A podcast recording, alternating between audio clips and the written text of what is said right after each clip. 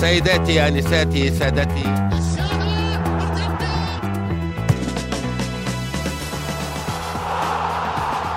السلام عليكم ورحمة الله وبركاته، أسعد الله مساءكم بكل خير، هذه حلقة بودكاست مرتدة اللي تجيكم من شركة ثمانية للنشر والتوزيع. الحلقة اللي تأتي بعد نهائي دوري أبطال آسيا اللي خسر فيه الهلال أمام أوراوا في سايتاما 1-0 لتكتمل بذلك مباراتي النهائي اللي شهدت خسارة الهلال للقب. أعتقد أنه كان في متناول الهلال وكان من الممكن جدا أن نتكلم اليوم عن الهلال كبطل آسيا لعام نسخة 2022 وإن كان النهائي يقام في 2023 لأنها تعتبر نسخة 22 من البطولة. عن هذه المباراة وعن اللي صار فيها وعن الأسباب اللي أدت إلى فقدان الهلال لهذا اللقب وعن التبعات المتوقعة لخسارة بهذا الحجم مستقبل الفريق وش اللي ممكن يصير في الأيام القادمة وش التغييرات الواجب آه، إجراءها على هذا الفريق اللي أعتقد أنه بحاجة إلى كثير من التعديل في الفترة القادمة. راح نتكلم في هذه الحلقة أنا والعزيز الغالي أبو سعود خالد القحطاني. مساك الله بالخير أبو سعود. وسهلا بعدي حياك الله. هارد لك نقول. حظ أوفر للجميع. أعتقد أنه خلال السنوات الماضية في كل المرات اللي نقترب فيها من منجز الأهم والأكبر على مستوى الأندية اللي هو دوري أبطال آسيا دائما ما يكون الهلال هو هذا الفريق اللي يبحث عن هذا المنجز. الآن في النسخة القادمة من كأس العالم للأندية لأول مرة من فترة طويلة جدا بنشوف نادي سعودي ينافس على لقب مهم يعني مع كامل ال- الاحترام والتقدير للبطولات الأخرى. لكن أعتقد أن دوري أبطال آسيا وكأس العالم للأندية هي أهم بطولتين على مستوى الأندية اللي يتم التنافس عليها. ولكن قبل أبو سعود ما نتكلم عن نهائي دوري أبطال آسيا هل تشعر بالخوف من مدريد؟ عقب اللي صار العام. فيك دخلتني ها؟ هنا طلعتني هناك. لا ما أقدر. أسبوع نصف نهائي دوري أبطال أوروبا وفريقي يلعب ضد فريقك؟ ما أقدر صراحة إني ما أسألك. إي والله أنا خايف من فورمة آه، فينيسيوس. العالم كلها خايفة من فورمة السيتي. انت خايف من واحد عمره 22 سنة. على أساس هالاند اللي عمره 90 كلهم عمرهم 22 أبو علي. بس أنا قصدي إني فورمه فينيسيوس الفردية مو طبيعيه وفورمه رودريجو في ال finish مو طبيعيه يعني مدريد ما لا يمكن هذا الجيل تحديدا سواء الجيل اللي جالس ينتهي أو الجيل اللي جالس يبدأ اللي هو اللي مثلا فينيسيوس ورودريجو وتشواميني وكامافينجا وذول اللي خذوا البطولة السنة راحت أو تشواميني استبعد منهم. وجيل اللي هو مودريتش توني كروس وبنزيما إنهم ينزلون في مباراة خروج مغلوب وتتوقع إنهم بينهارون. يعني مباراة ليفربول في الأنفيلد خير دليل على ذلك. مباراة ليفربول في الأنفيلد أول 16 دقيقة 3 2 0 ما متأكد أول 16 دقيقة أول 9 دقائق دقائق. 2 0 ما هو يعني أشياء كذا خارجة عن السياق. لا أشواء 2 0 مستحقة. ليفربول أفضل. في لحظات أخذ كل الأفضلية مدريد واستمر صارت 5 2 هاي في مباراة خروج مغلوب في الأنفيلد اللي أعلى سلسلة عدم خسارة لنادي إنجليزي آه، بعد الظاهر سلسلة آه، جوزيه مورينيو مع تشيلسي اللي كانت 70 مباراة على أرضه كان أعلى سلسلة عدم خسارة في الدوري الإنجليزي ليورجن كلوب في الأنفيلد وعشان يعني على قد ما موسم ليفربول ذا كوارثي وموسم سيء وموسم خذلان وإلى آخره لو جيت تشوف مباريات ال home المباريات اللي على أرض الأندية وجيت تشوف نقاطها وجيت سويت جدول بناء على كل المباريات اللي على أرضهم ترى ليفربول يصير الثالث الدوري. يعني ليفربول يعني ما يخسر ابدا على الأنفيلد. فكيف ياخذ خمسة مباراة وما اخذ فيها اثنين؟ أو مسجل فيها هدفين مبكرة. فعشان كذا أنا أقول لك في مباريات خروج مغلوب أنت ممكن تاخذ مدريد في مباراة نفس طويل مثلا زي برشلونة الحين. ما عنده أفضلية على مدريد في المباريات اللي مثل ال Champions هذه. بس على نفس طويل عنده آه، خلينا نقول ناس أكثر آه، يعني خلينا نقول أو شبان أكثر لعيبة جديدة لعيبة عندها حوافز إلى آخره.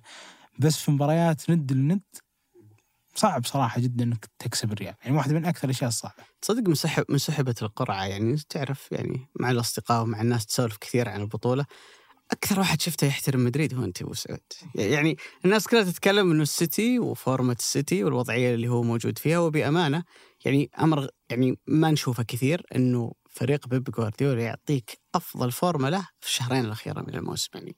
فريق قاعد يتصاعد برتم مخيف الاستمرارية اللي موجودة عنده في الدوري وصوله إلى نهائي كأس إنجلترا. الفريق من فريق كان مرشح إنه يمر بموسم سيء إلين المؤتمر اللي طلع فيه بيب وتكلم عن الحافز والشغف وإنه أرسنال سابقينا في هالموضوع من بعدها موسم السيتي اختلف تصدق وعلي ذاك المؤتمر كان بعد مباراة كاسبها السيتي على توتنهام 4 2 قلب الماتش. كان 2 0 توتنهام انقلبت 4 2 هو هو تلقاه مستاء من الاثنين اللي جت عليه أول. إيه. ف لكن على على طاري مدريد يعني وتقول لي ليش تعتمد شفتوا اللي صار مع البايرن؟ لما السيتي أعطاه ثلاثة في مباراه لو وش ما صار هذا الشيء ما راح يصير مع مدريد. يعني اسمع منك. مدريد ممكن تكسبه 3 2 4 2 كذا في الحدود يعني بينك وبين هامش هدفين. مسألة تخلصها من الذهاب وتتوقع ب... لا هو عنده إمكانيات فردية هجومية مو طبيعية آه، وبينهم يعني ما هو أسلوب لعب قد ما هو تناغم. يعني في الوقت اللي يطلع بنزيما لأي نوع من الأطراف تلقى مستحيل مكان راس حربة يخلع من رودريجو ولا حتى من فينيسيوس. فهذا طبعا غير هذا كله كوم. والجزء الآخر إنه هذا الجيل لمدريد أسطوري جدا. أتكلم الجيل اللي ماخذ الشامبيونز الخامسة.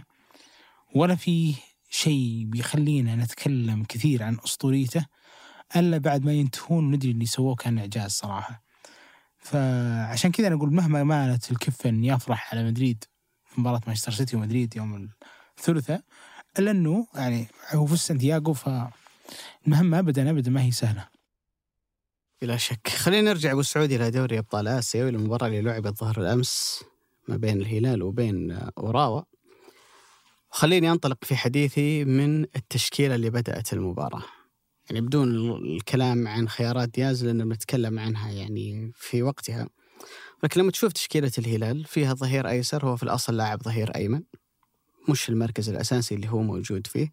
في مركز أنت جربت فيه كثير من العناصر هالموسم من خليفة الدوسري حمد اليامي محمد البريك آه، مرورا باللاعب الأساسي اللي هو آه، ياسر الشهراني. تكلم على مستوى خط الوسط المحور. عبد الله عطيف من زمان من زمان ما زمان ما شفناه يلعب كلاعب أساسي في مباراة بهذه القيمة وهذا الحجم. نفس الكلام ينطبق على آه، عبد الله الحمدان. من المباريات اللي تجد نفسك فيها تلعب بدون أهم ثلاثة لاعبين محليين عندك على مستوى الخبرة والتجربة اللي هم ياسر الشهراني سلمان الفرج سالم الدوسري الثلاثة اللي كانوا موجودين مع الهلال في نهاية 2014 أمام سيدني. تكلم على مسيرة يمكن عمرها تسع سنوات أو عشر سنوات من النجاحات والمنافسة على كل شيء مع الهلال. فمش أفضل تشكيلة أنت بتدخل فيها مباراة من هذا النوع. هي مباراة تحتاج أنك تعوض فيها. تعثر كان موجود في المباراة اللي لعبت في الرياض. فبالتالي بأمانة أول ما تشوف التشكيلة بيجيك نوع كذا من ال...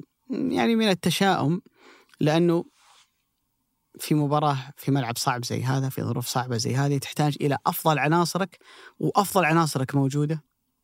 عساك تقدر تطلع من المباراة آه، بنتيجة. المشكلة أبو سعود ما كانت بس في التشكيلة الأساسية حتى لو تنظر إلى دكة البدلاء. الهلال في مباراة أمس كان عنده ثمانية لعيبة بس على دكة البدلاء.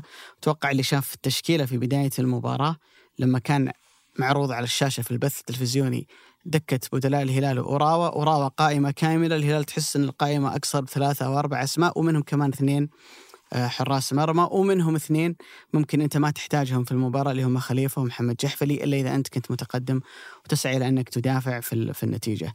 أنك تضطر تلعب مصعب الجوير لاعب صغير في السن محمد اليامي مركز بمركز مكان محمد البريك ناصر الدوسري من زمان ما شفناه يشارك. كل هذه تعطيك دلالة على أنك أنت رحت للمباراة في واحدة من الوضعيات اللي هي مش أفضل وضعية بالنسبة لك. وهذا محل تساؤل مهم جدا لأنه أنت عارف موعد النهائي الآسيوي تقريبا كان بينه وما بين مباريات نصف النهائي يمكن أكثر من شهرين.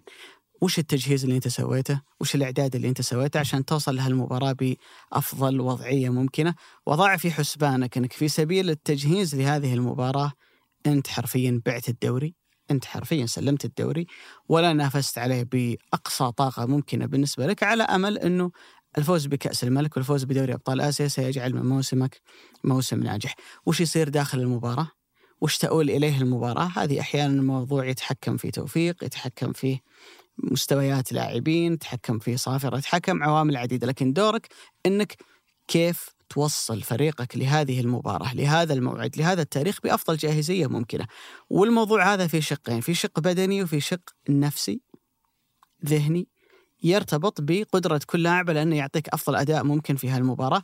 وأعتقد أنه في المجمل في المباراتين في هالموضوع تحديدا كان فشل ذريع جدا عملية التجهيز للمباراة بدليل الخروج على النص اللي كان مسالم في مباراة الذهاب بدليل الفورمة السيئة لعدد كبير من اللاعبين اللي أنت تحتاجهم وبشدة في هالمباراة.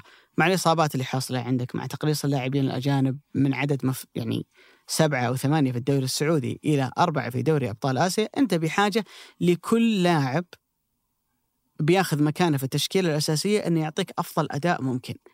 واحدة من أسوأ المباريات المباراتين ذهابا وإيابا اللي ممكن تشوفها للاعب كرة قدم هو الأداء اللي قدم محمد كنو.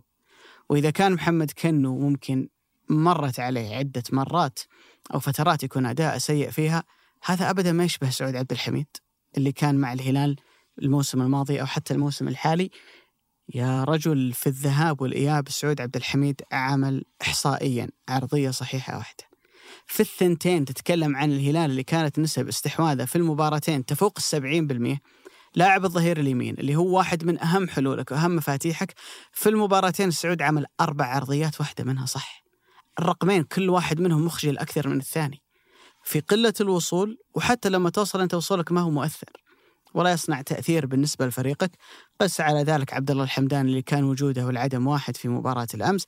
قس على ذلك إيجالو اللي تحديدا في مباراة الإياب ما كانت واحدة من أفضل مبارياته. أنت شايف الإشادة والثناء الكبير اللي كان على كاريو بعد المباراة يفترض على الأقل نصف الفريق عندك يحصل على نفس الإشادة. نصف الفريق عندك المفروض أن يكون في فورمة وفي جاهزية أنه يقدر يؤدي ويصنع تأثير في المباراة. لأنه هذه أهم مباراتين في موسمك. فأعتقد أنه في هالجانب ما نجح الهلال سواء على الجانب الإداري سواء على الجانب الفني اللي هو مدرب الفريق أو حتى جميع الطاقم اللي يعمل معه أنه يوصل اللاعبين إلى أنه هذا الأسبوع أنت بتلعب فيه مباراتين من أعلى ما يمكن. تعطيني فيها أفضل أداء بالنسبة لك. شوف ما راح يتأهلون كلهم. بيطلع واحد من مدريد والسيتي بس أنا متأكد أنك بتشوف في المباراتين أن كل فريق بيوصل لهالمباراة عشان يعطيك أفضل أداء.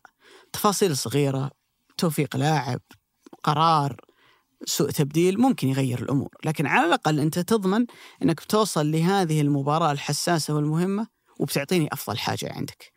إن أكثر من عنصر ما يعطيني أفضل حاجة عنده هذه دلالة على وجود مشكلة دلالة على أنه في هناك خلل في التحضير في خلل في نوعية التمارين. بدنيا كثير من اللاعبين ما هم قادرين يعطون.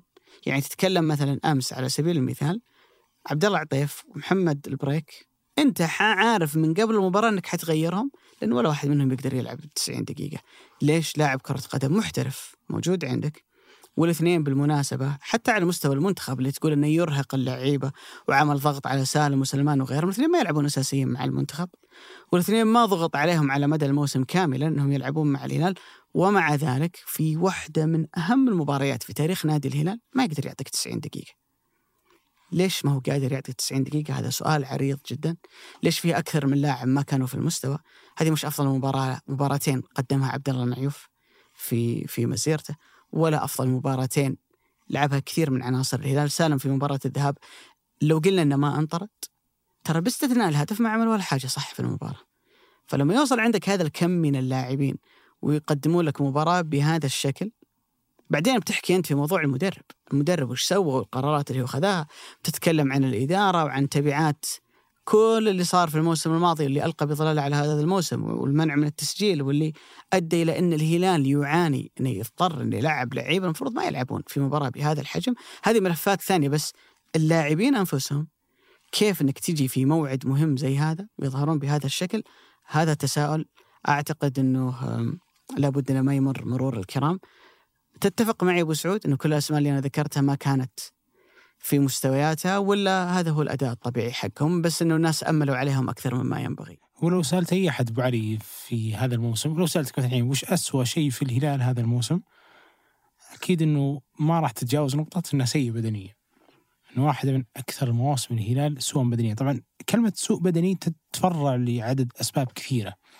سوء في المعسكر التحضيري اتكلم أكيد إن هذا الشيء صار سوء في اللحظة اللي وقفنا فيها الكاس العالم الشهرين سوء في اللحظات اللي أصيبوا فيها عدد من اللاعبين فبان إنه بدلاء أصلا ما يقدرون يكملون المباريات سوء في اللحظات اللي جزء كبير من لعيبتك يروحون المنتخب وهم عندهم مثلا أول عشر أيام من رمضان عندهم مباراتين ودية مع المنتخب، المباراتين الوديه هذه بتكون آخر مباراتين ودية لمدربك اللي بيمشي ويروحون لعيبتك لهذا المعسكر ويلعبون هالمباراتين وبعضها يضطرون يلعبون دبل مباراتين عن مبارياتهم في الدوري. يعني مثلا كمثال آه، النادي من الأندية يلعب مثلا أربع مباريات في العشرين يوم في رمضان تلعب ثمان مباريات. فهذا النوع من الضغط آه، تراكم عليك. فالنقطة العريضة أنك كنت سيء بدنيا لهذه العوامل. عوامل كثيرة صراحة. في منها جزء أنت تلام عليه في جزء منها أنت لا تلام عليه.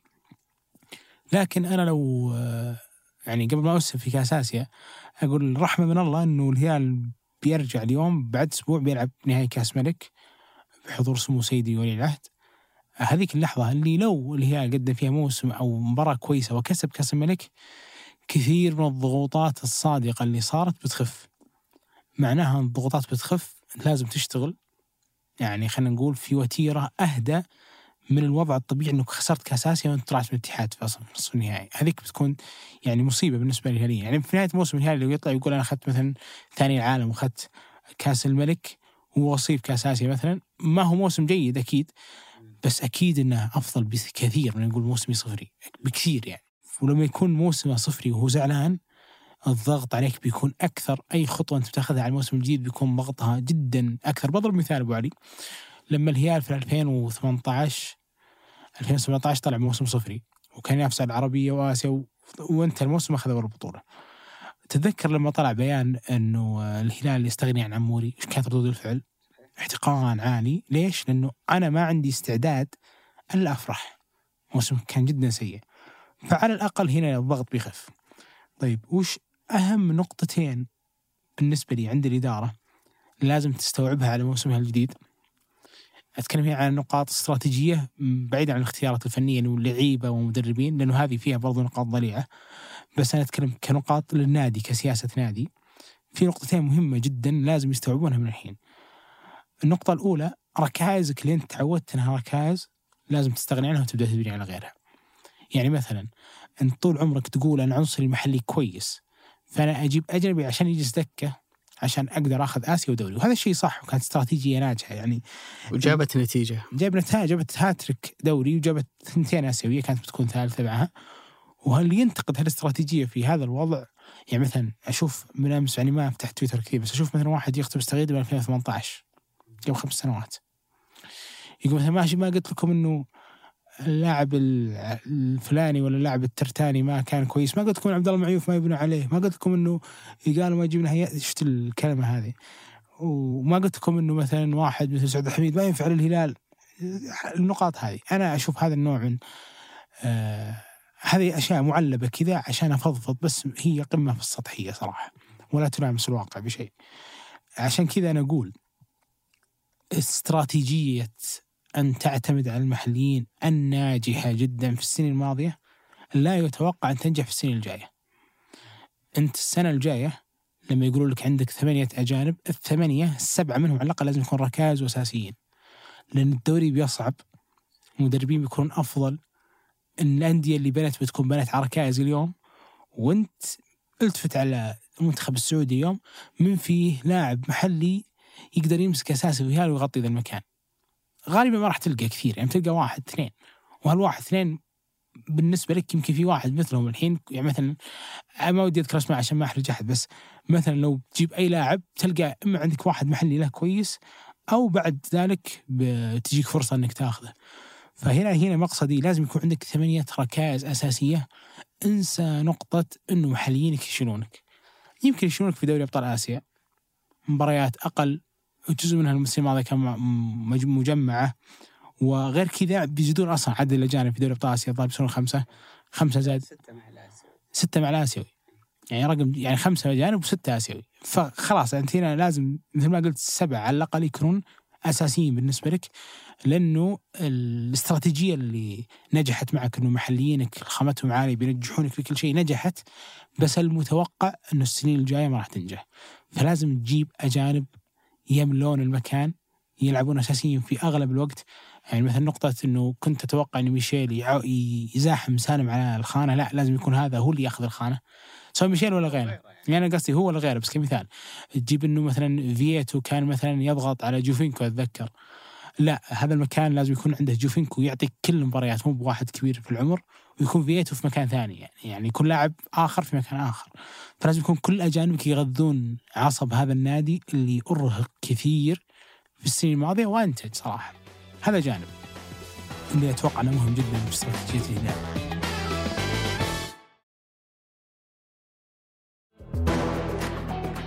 الجانب الثاني اللي أراه برضو مهم إذا إحنا اليوم نقول ان هذا الدوري كان طويل والمنافسات كانت طويلة ترى السنة الجاية أصعب. عدد انديه أكثر. بطولة أعتقد زايدة هي العربية. وعندك توقف عشان بطولة دوري أبطال آسيا أو أمم آسيا. ممكن توصل 60 مباراة الموسم الجاي بدون المنتخب. بدون المنتخب. نتكلم عن الأندية 34 جولة في الدوري. دوري أبطال آسيا لو توصل النهايه 14 هذه 48 مباراة. عندك كأس الملك السنة الجاية بيبدأ من الدور 32 تتكلم عن خمس مباريات. بتوصل بتوصل لل 60 مع السوبر مع توصل البطولة بالراحة. العربية ممكن ما بين 55 إلى 60 مباراة. أنا مقصدي هنا أبو علي إنه ما هو بس الفكرة للمدرب إنه لا تستهدف كل شيء ولا تلقى كل شيء لا للجمهور حتى. ما هو من المنطقي إنك تحقق كل شيء. والأندية اللي في سنين حقت كل شيء سداسية جوارديولا رباعية جوارديولا في المان سيتي 2017 2018 ما الكرة، ترى ما كان يهدف ياخذها كذا.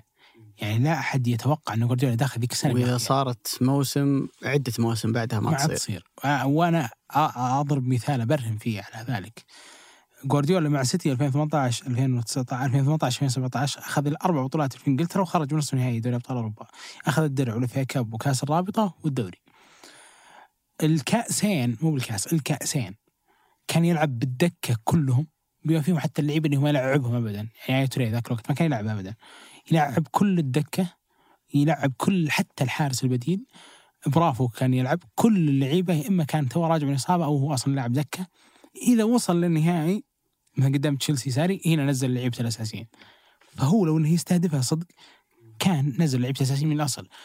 بعد ما انتهى الموسم خذ الدوري وانتهى موسمه تماما كان قدامه نهائي واحد قدام واتفورد انتهى بسبعة نهائي شهير.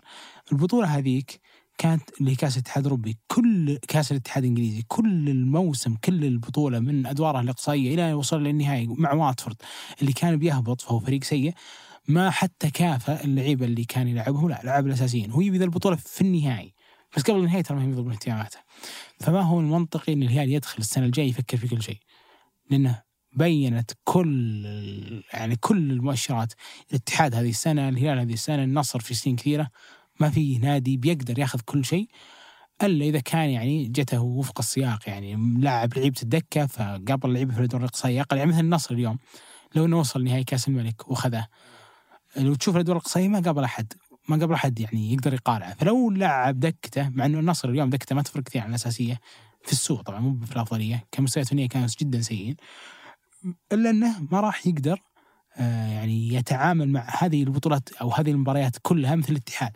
اللي قابل الشباب وقابل الهلال وكان يطلع نهائي لا هذا ما يقدر. فلازم يتحدد من بداية الموسم وش هي مستهدفاتك. هذه نقطة. والنقطة الثانية لازم تكون عندك كمية لعيبة أجانب تقدر تشارك بشكل أساسي ودائم ومعدلات أعمارهم البدنية ومعدلات أعمارهم ومعدلاتهم البدنية كويسة. شوف وما بعد خسارة الهلال للنهائي هو ميدان خاص بصراحة لطرح الآراء.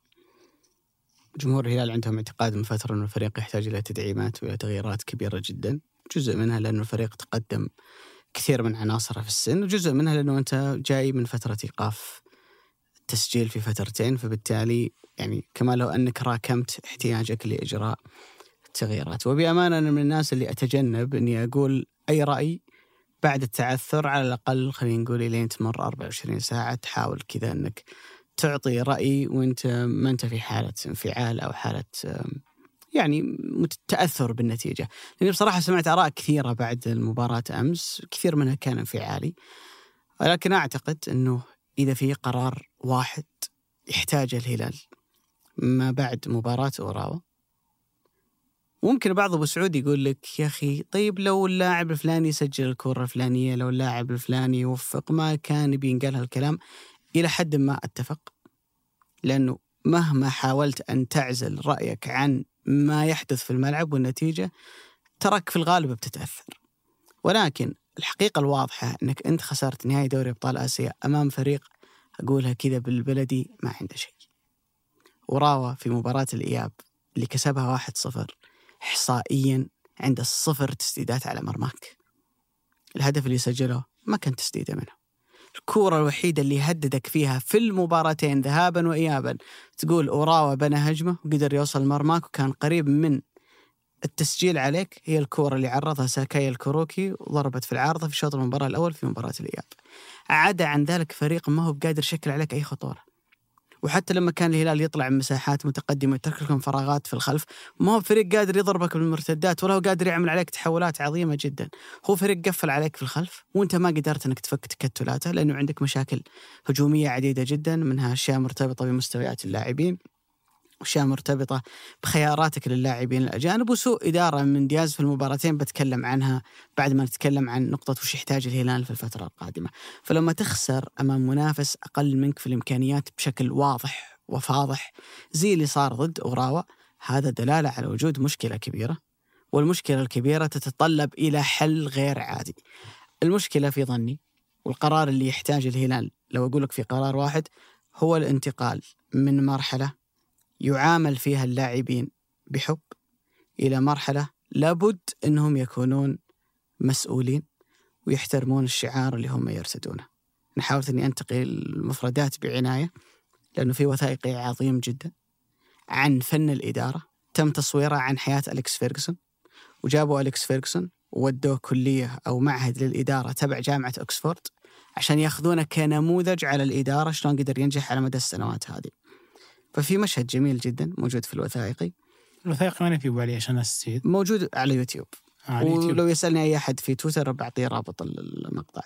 فرسموا خط عريض على السبورة وحطوا على النقطة الأولى love حب وعلى النقطة البعيدة fear خوف فقالوا له انه في الإدارات كلها في الخط هذا اللي ما بين نقطة على اليمين اللي هي الحب وعلى اليسار اللي هي الخوف كل مدير هو له مكان على هذا الخط. هل أنا أقرب إلى جانب أنه موظفين يحبوني فيعطون لأنهم يحبوني ولا يعطون ويقدمون لأنهم يخافون مني لأنه أنا صارم وقراراتي صارمة. فسألوا فيرجسون هذا السؤال قالوا أنت وين مكانك على هذا الخط؟ فقام رسم نقطة في المنتصف كتب respect احترام. الاحترام هو المنتصف ما بين الخوف وما بين الحب. اللاعب يحتاج أن يشعر بالحب تجاهي ومني أنا تجاهه ولكن يحتاج أيضا أنه يشعر بالخوف على مكانه وعلى مركزه. الفاصل ما بين ذلك هو الاحترام لذلك اللي بيني وبينك هو الاحترام. في السنوات الماضية من رزفان من بعد جيسوس تحديدا رزفان مرورا بجارديم مرورا بدياز لو حاولت أنك تتخيل شكل العلاقة بين اللاعب الهلالي والمدرب على هذا الخط أنا ما بقول لك إنها في النقطة اللي مكتوب فيها الحب مثلا اللي ما بين اللاعب والمدرب لكنها أقرب إليه من الخوف.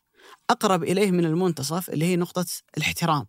إنك تشعر إنه هذا المدرب عنده استعداد في مباراة مصيرية إنه يقعدك دك يعني ذكر تذكر اللي كانت بين الريال والسيتي واحدة من المباريات اللي كانت مرة حساسة زيدان قاعد كروس على الدكه نفس أقدر الكلام. ألعب أي مباراة في العالم باي عنصر واحد منكم أنا جلسة برا أنا ما عندي مشكلة.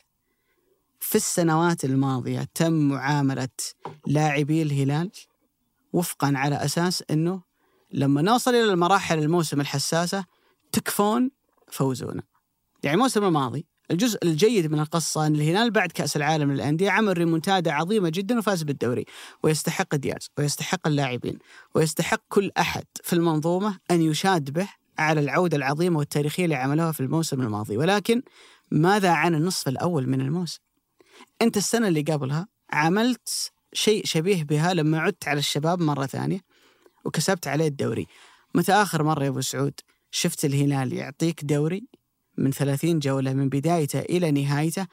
ما في فريق يقدر يلعب 30 جولة كلها بنفس الفورمة ونفس العطاء لكن على الأقل 25 23 مباراة من هالموسم بنفس الفورمة وبنفس الأداء. الهلاليين يعرفون ذلك جيدا. ما بتكلم عن فترة جيسوس لأن جيسوس ما كمل الموسم. لكن كان هالكلام يصير مع جريتس كان الفريق من بداية الموسم إلى نهايته فريق كويس.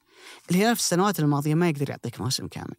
يجي فترة من الموسم يكون فيها أهداف مهمة وحساسة. دوري أبطال آسيا مثل الموسم الماضي أمام بوهانج المباراة النهائية أو قبل نصف النهائي أمام النصر. وبعدين العودة اللي صارت في النصف الثاني.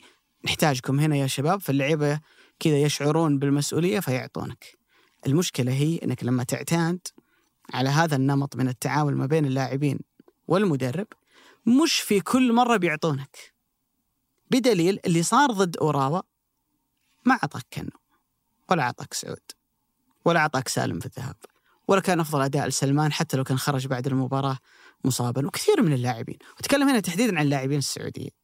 المشكلة أيضا أبو سعود أن كل ما يمر الوقت موسم بعد موسم اللعيبة هذولا رصيد إنجازاتهم يتنامى بطولاتهم تكثر فبالتالي يصبح أقل قابلية إلى أنك تقدر أنك تستفزه في كل مرة وتقول له روح قاتل على هذا الهدف روح ناضل من أجل تحقيق هذه البطولة لأنه هو أصلا سواها الموسم الماضي وجابها يعني أنت اليوم كمشجع ردة فعلك هي أقل إحباطا من ردة فعلك في 2017 لما خسر الهلال ليش؟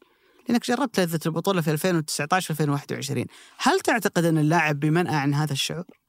هل تعتقد أن اللاعب شعور الحسرة عنده نفس شعور الحسرة في 2017؟ لا مين اللي يقدر يجدد الحافز هذا باستمرار عند اللاعب الذي يرتدي تيشيرت نادي الهلال وينزل في المباراة؟ المدرب والإدارة. المدرب من خلال أنه يضغط على اللاعبين ويضغط عليه بإيش؟ يضغط عليه بوجود لاعب على الدكة لو ما لعبت زين بياخذ مكانك. وتسوي الإدارة أنه إذا اعتقدت أن اللاعب ما هو بقادر يعطيك غير قابل للتحفيز مشى وجيب واحد ثاني مكانه. لكن اللاعب نفسه هو في نهاية الأمر هو بشر. هو يتأثر بكل الأشياء اللي قاعدة تصير حواليه. وارجع أقول لك التأثير اللي أنت تحسه كمشجع ترى طبيعي راح يحس اللاعب. لكن هنا يجي دور المدرب والإدارات إنها شلون تطلع الفريق من حالة التشبع اللي موجودة هذه. وهنا في مثالين واضحين يا أبو سعود. الأول اللي تكلمنا عنه بيب جوارديولا. السنة هذه كان عندنا ثلاثة أندية. الكل يتكلم عنها إنه في طريق مفتوح للفوز بالدوري. أرسنال في إنجلترا برشلونة في إسبانيا نابولي في إيطاليا. إيش معنى أرسنال الوحيد من بينهم اللي خسر الدوري؟ لأن بيب رجع عليك. صار من أرسنال تراجع في نهاية الموسم نفس اللي صار مع برشلونة نفس اللي صار مع نابولي. الفرق إن الوحيد اللي ما استسلم لأن لا يسمح للاعبيه أن يستسلمون ولا يسمح لهم أن يتخاذلون هو بيب. طلع واحد زي كانسلو من الفريق ولا رف له جفن هو يطلع كانسلو ليش؟ مصلحة الفريق تقتضي التضحية بأي لاعب. دخل ستونز اللي كان الفترة الماضية ما يلعب طلع لابورت يروح هذا يجي هذا في نهاية الأمر في نهاية الأمر المهم بالنسبة لي الشيء اللي ما ممكن أتساهل فيه هي مصلحة الفريق. النموذج الثاني كل الأندية اللي عملت سلسلة من النجاحات في الدوري تحديدا مر علينا نماذج عديدة. باريس سان جيرمان في فرنسا بايرن ميونخ سنوات متتالية في ألمانيا فترة يوفنتوس تتكلم سبع وثمان سنوات في إيطاليا في بينها كلها قاسم مشترك. غالبا المدرب ما يقعد أكثر من سنتين ثلاث. ليش؟ إذا أنت تشتغل مع نفس المجموعة تحتاج في كل فترة إلى عنصر جديد ما عنده نجاح. أنا اليوم أدرب باريس سان جيرمان. جايبين الدوري في آخر عشر سنوات. أنا توي تعينت. أنا مالي شغل فيكم. أنتم مش جبتوا؟ أنا أبغى أفوز عشاني أنا. أنا رصيدي صفر. أنت رصيدك يا نيمار سبعة دوري. مبابي عندك ستة دوري. أنت أنت كل واحد عندك. أنا رصيدي صفر. أنا أبغى في نهاية السنة نحط في رصيدي إني أنا فزت بالدوري. ولذلك أنا أصير هنا شو أسوي؟ أضغط على اللاعبين من أجل مصلحتي من أجل مصلحة النادي. لكن لما تظل تشتغل مع نفس العناصر وتشغلهم مع مدرب ما يضغط عليهم بأمانة. بدنيا الهلال من أقل الأندية في في المستويات البدنية. الهلال من أقل من أكثر الأندية تعرض للإصابات. شلون تتوقع منهم إنه مع مدرب بينهم وبين هذه العلاقة الجيدة؟ وهذا ترى ليس عيبا. أنا ما أقول إن اللي صار في الهلال غلط وينبغي أن لا يصير في أي مكان ثاني في العالم لكن هذه مرحلة وانتهت ليش لأنه علاقة الود ما بين اللاعب والمدرب هي اللي كسبت الهلال ثلاثة الريال ثلاثة Champions League مع زيدان. لويس إنريكي لما درب برشلونة في كل مسيرته قبل وبعد برشلونة أعلى نقطة لمسها يدرب برشلونة يدرب ذاك الجيل. نجح معهم بإيش؟ نجح معهم بأن علاقته مع اللاعبين كانت جيدة. شالوه في فترة من الفترات، لكن نجح ليش؟ لأنك أنت جيت على نهاية جيل أو خلينا نقول آخر ذروة عطاء ميسي وبوسكيتس وبيكي وسواريز وكذا لاعب طلعت منهم أفضل حاجة. انتهت هالمرحلة دخل برشلونة في مرحلة نزول عانى منها خلال السنوات الماضية. لابد أن تدرك إنك أنت الآن في بداية النزول. وإذا ما تداركت الأمر وإجريت تغييرات جريئة في المرحلة القادمة قد يغيب الهلال لعدة سنوات. لابد أن تدرك إنه أهم تغيير أنت لازم تسويه في المرحلة القادمة إنك تجيب مدرب أنا ما أقول لك اللعيبه يتنافضون إذا شافه لكن على الأقل الشيء اللي صار في الهلال خلال السنوات الماضية لابد أن يتغير. الهلال بحاجة إلى مدرب، أنا أفضل صراحة أن يكون أوروبي لأن الأوروبيين في الجوانب البدنية جدا ممتازين. يكون الشغل بشكل كبير جدا على الجانب البدني، لابد إنك تكون رقم واحد في الدوري في الجاهزية البدنية خلال الموسم الجاي. مثل ما قلنا أبو سعود عدد المباريات بيزيد. والهلال نادي لا يمكن له انه يرمي وراء ظهره دوري أبطال آسيا. أندية ثانية ممكن تسويها. ويظل أحيانا الموسم الجاي وبتشوف مع ضغط مباريات الدوري في أندية ممكن تجدها في لحظات تهمل دوري أبطال آسيا، الهلال ما يقدر وجمهوره ما يقبل.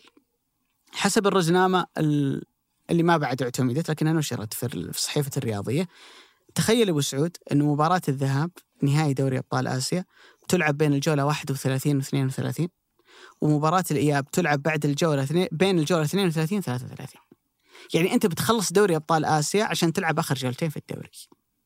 يعني في آخر شهر اللي هو شهر مايو أنت عندك الجولة 29 و30 31 32 33 و34 ست جولات الحاسمة والأخيرة من الدوري ومعها مباراتين نهائي آسيا.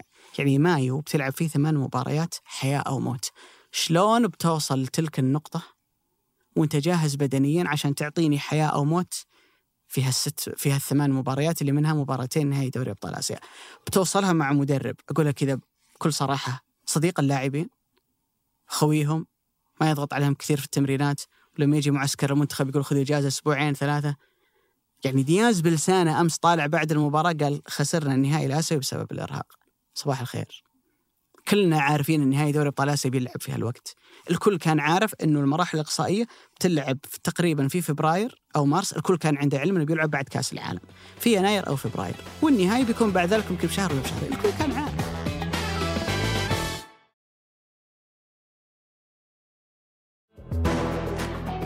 ما هو بشيء جديد ما هو بشيء مفاجئ. بس أنت وش سويت عشان توصل هالمرحلة هاللحظة من الموسم وأنت جاهز بدنيا؟ اليابانيين كلوك بكل بساطة. وترى اللي صار في المباراة هذه هو اللي بيصير في كل السنوات القادمة. ليش؟ لما كنا نلعب نهائي دوري أبطال آسيا في نوفمبر كان يجي عندنا في النصف الأول من الموسم. بينما هم يا على نهاية موسمهم أو بدايته. بحكم أنهم دائما ما ينتهي موسمهم بنهاية السنة الميلادية. السنة الجاية وما بعدها بتصير دائما تلعب نهائي دوري أبطال آسيا في نفس التوقيت في مايو. فأنت بتكون في نهاية موسمك وخلصت. بدنيا خلاص المفروض تكون أنت في واحدة من الفترات الحرجة وهم بالنسبة لهم بيكون موسمهم تقريبا بادي له ثلاثة شهور أربع شهور. فبدنيا بيكونون أفضل منك. تدخل على النسخة اللي بعدها اللي هي من 24 25 بيدخل الشرق في الغرب. فأنت لما تجي تبني لما تجي تعمل تغييرات لابد كل الأشياء هذه أن تضعها في حسبانك. كثر خيرهم كفوا ووفوا. وأنا هنا أبو سعود لغتي أنا وأتمنى لغة أي أي هلالي أو أي متابع أن لا تتحدث عن هذا الجيل بلغة المودع. لا يزال عند سالم شيء يعطيه. هي الآن لحظة غضب الكل فيها ممكن ما يبغاك تقول أي حاجة كويسة عن سالم بس لا يزال عند سالم شيء يعطيه. 30 و 31 سنة وسالم بدنيا كويس من الممكن يعطيك عدة سنوات قادمة. لا يزال عند محمد البريك وعند ياسر الشهراني وعند علي البليهي ممكن موسم ولا موسمين. ما يعني هذا أنك تلغيهم.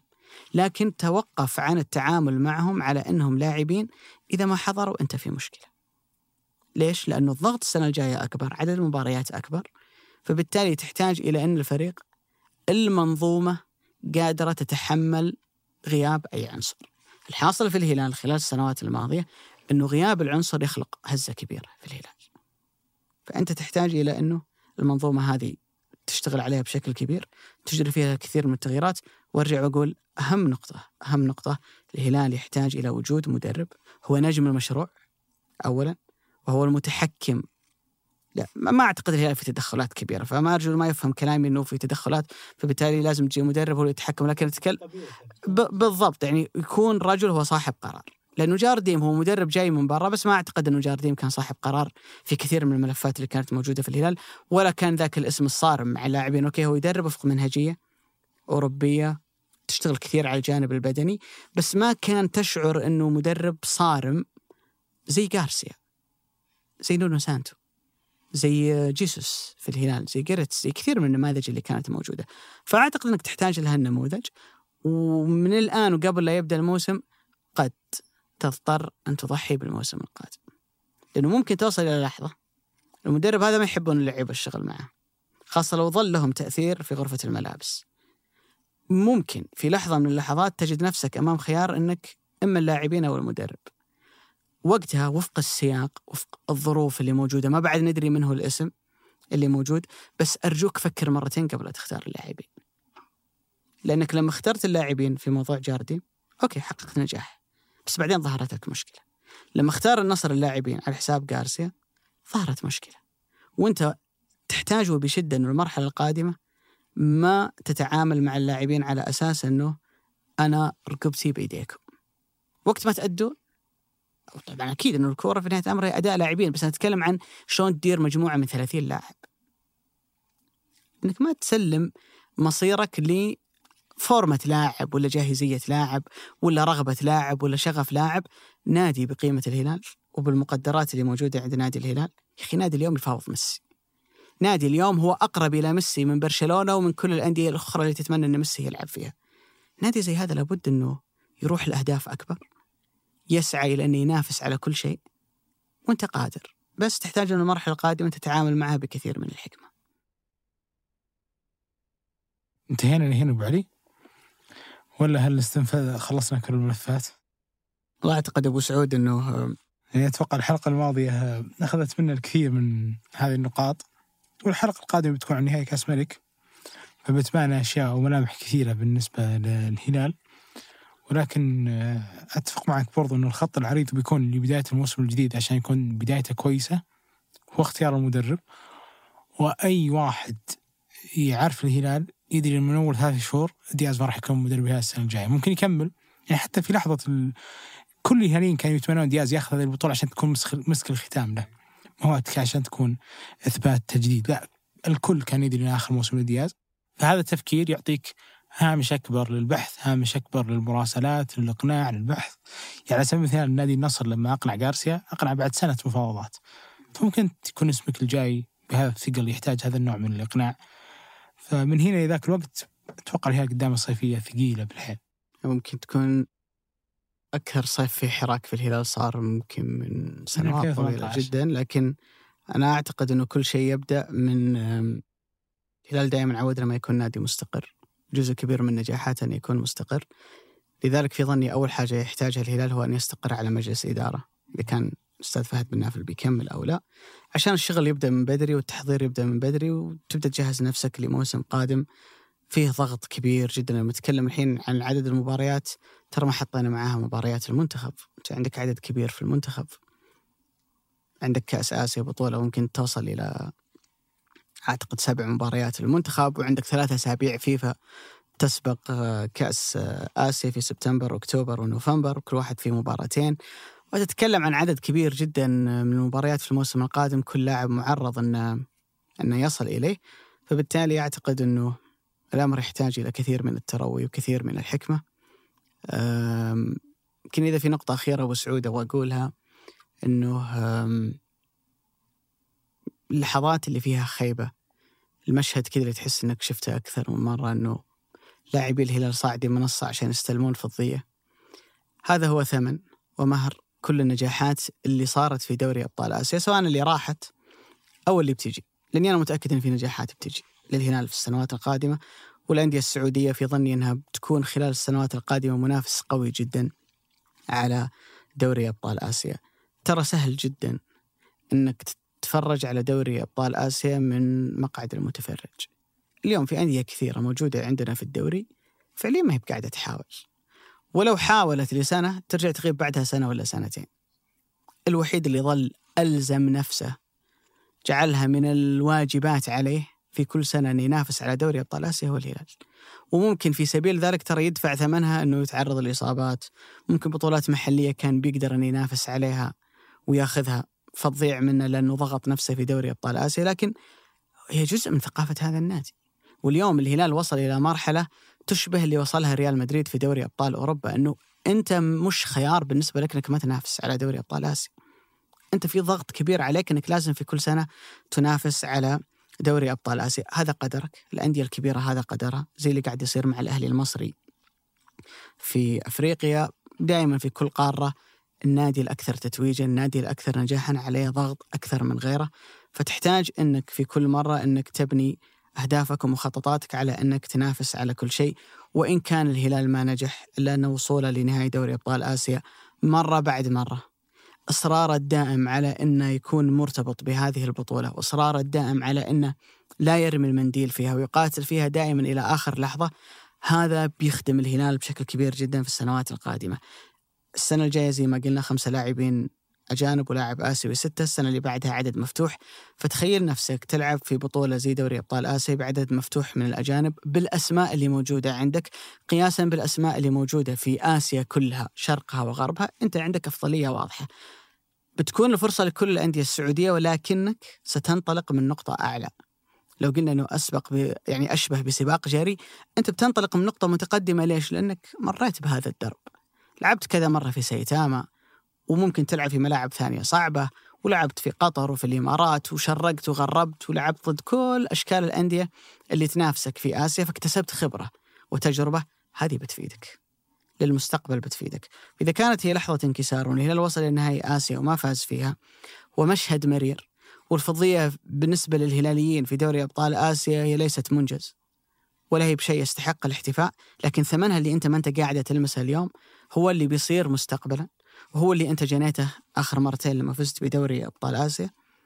المشهد اللي كان من جانك بعد نهاية المباراة لما كان يروح للاعبين ويقول قوموا خلاص أنتم خسرتم يكفي ان موجودين هنا. هذه هي عقلية الهلال. هذا هو دي ان اي الهلال. وحتى لو خسر الهلال الواحد صعب أبو سعود إن يطلع شيء إيجابي بعد خسارة من هالنوع لكن إنك توصل إلى مرحلة إنك في سيتاما ضد كل هالجمهور. وإن كان نادي أقل منك في الإمكانيات لكن كرة القدم هي في نهاية الأمر كلها إمكانيات. تحطه في ملعبه وتلعب هالأسلوب وتضغط. صح أنك ما وفقت لكن في نهاية الأمر لعبت بشخصيتك. حسست العالم كله اللي يتفرج على المباراة أنك أنت فريق ما تهاب من شيء. في تفاصيل هي اللي خسرتك لكن بشكل عام شفت الحالة هذه اللي تروح تلعب فيها ضد منافس وملعب صعب وجمهور صعب وتظهر أنك تلعب بهذه الشخصية أندية ثانية لو بيدها أنها تنفق على هذه فلوس عشان تشتريها حتدفع أي أي ثمن. أنت موجودة عندك. حافظ عليها وابقى دائما في المنافسة وفريقك لا يحتاج إلى أكثر من مجرد بعض التعديلات وبترجع تنافس السنة الجاية واللي بعدها وبإذن الله تعالى إنه التوفيق يكون حليف الهلال وكل الأندية السعودية اللي راح تنافس البطولة في السنوات القادمة. وصلنا للختام أبو سعود. يعطيك الصحة. مدريد ولا سيتي؟ إن شاء الله سيتي. لا خليك من إن شاء الله. أعطني التوقع. كفاية صدمات أنا أقول. إن شاء الله أتوقع السيتي. غلابة بس تبغون ثلاثية بس. ما لا نبي واحدة تشامبيونز انت لا لا الدوري والدوري والكاس خلاص يعني. يعني الدوري آه، أنا لا ما ودي أطول في الموضوع بس أحس إن السيتي يحتاج كل سنة يحقق دوري عشان ينمي علامته التجارية عشان يصير نادي. يعني يوضع في تاريخ الأندية الكبرى في إنجلترا. بس الشامبيونز هو ضروري. أمس سألوا بنزيما بعد نهائي كأس ملك إسبانيا. قالوا لها ثلث قال we will do it حنسويها مرة ثانية. وأنا أثق في بنزيما شكرا لك سعود حياك شكرا لكم وشكرا ليوسف إبراهيم في تسجيل وهندسة صوت هذه الحلقة من التحرير مرام الضبيبان هذا بودكاست مرتدة أحد منتجات شركة ثمانية للنشر والتوزيع نلتقيكم بإذن الله تعالى الأسبوع القادم بعد نهائي كأس الملك.